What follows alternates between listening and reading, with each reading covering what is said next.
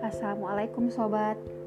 Kali ini aku mau cerita tentang pengalaman waktu di negeri Sakura sana Ya jadi setiap Sabtu itu kita biasanya warga asing warga pendatang uh, buat halko-halko begitu usroh ya uh, di taman-taman ya. Di sana taman disebut dengan koeng.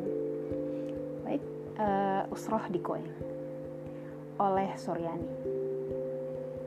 Aku mengayuh sepeda melewati jalan-jalan kecil di sepanjang kanal samping kampus Ehime University. Di sisi kiri jalan berjejer rumah warga Jepang yang sangat asri dan apato yang bersebelahan dengan hamparan petak sawah. Nafasku agak memburuh karena kelelahan, pun karena aktivitas ini sudah sangat lama tak kujalani.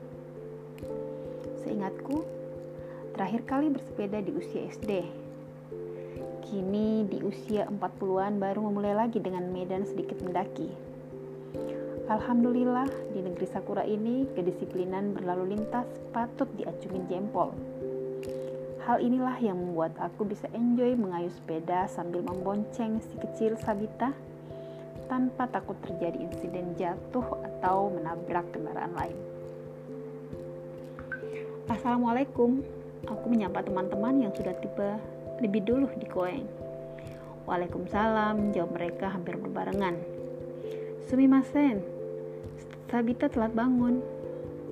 Dejo bu, ini juga kami baru sampai bu, jawab beberapa teman sesama ibu-ibu warga Indonesia. Selanjutnya aku memperbaiki posisi sepeda dan melepas, melepaskan tali pengaman Sabita agar bisa kuturunkan dari tempat duduknya. Berjabat tangan sambil melempar senyum dan tak lupa menanyakan kabar adalah rutinitas ketika bertemu teman-teman peserta usroh. Kami biasa bertemu tiap hari Sabtu pada asar. Agenda pekanan yang rutin kami lakukan sebagai warga pendatang.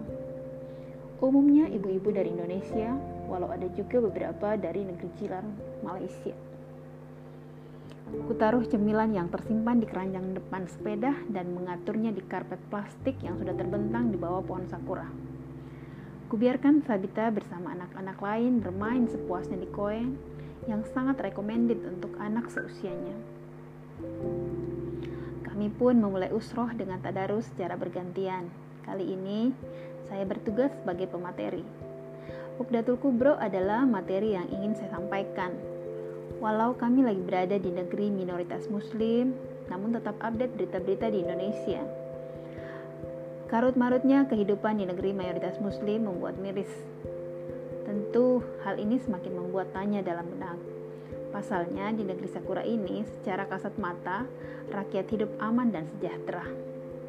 Namun seperti yang jamak diketahui bahwa Jepang adalah salah satu negara dengan angka bunuh diri cukup tinggi.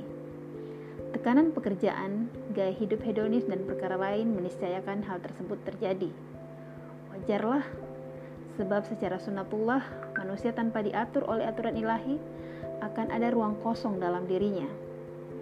Aspek spiritual yang tidak sesuai fitrah manusia akan membawa kepada kehampaan dan kerusakan. Apa pun masalahnya yang ada di dunia ini, kita harus cerdas menilai bahwa akar masalahnya adalah tidak diterapkannya aturan Islam secara paripurna. Allah Subhanahu wa taala menciptakan manusia dan seluruh isi semesta tentu punya tujuan dan Allah paling tahu apa yang terbaik buat hambanya. Sistem hidup yang diadopsi hampir semua negeri saat ini bertentangan dengan tujuan penciptaan kita sebagai manusia. Memisahkan agama dari kehidupan sudah terbukti membawa petaka. Sebagaimana dalam Quran Surah Az-Zariyat ayat 56 yang artinya dan aku tidak menciptakan jin dan manusia melainkan supaya mereka beribadah kepadaku. Wallahu a'lam.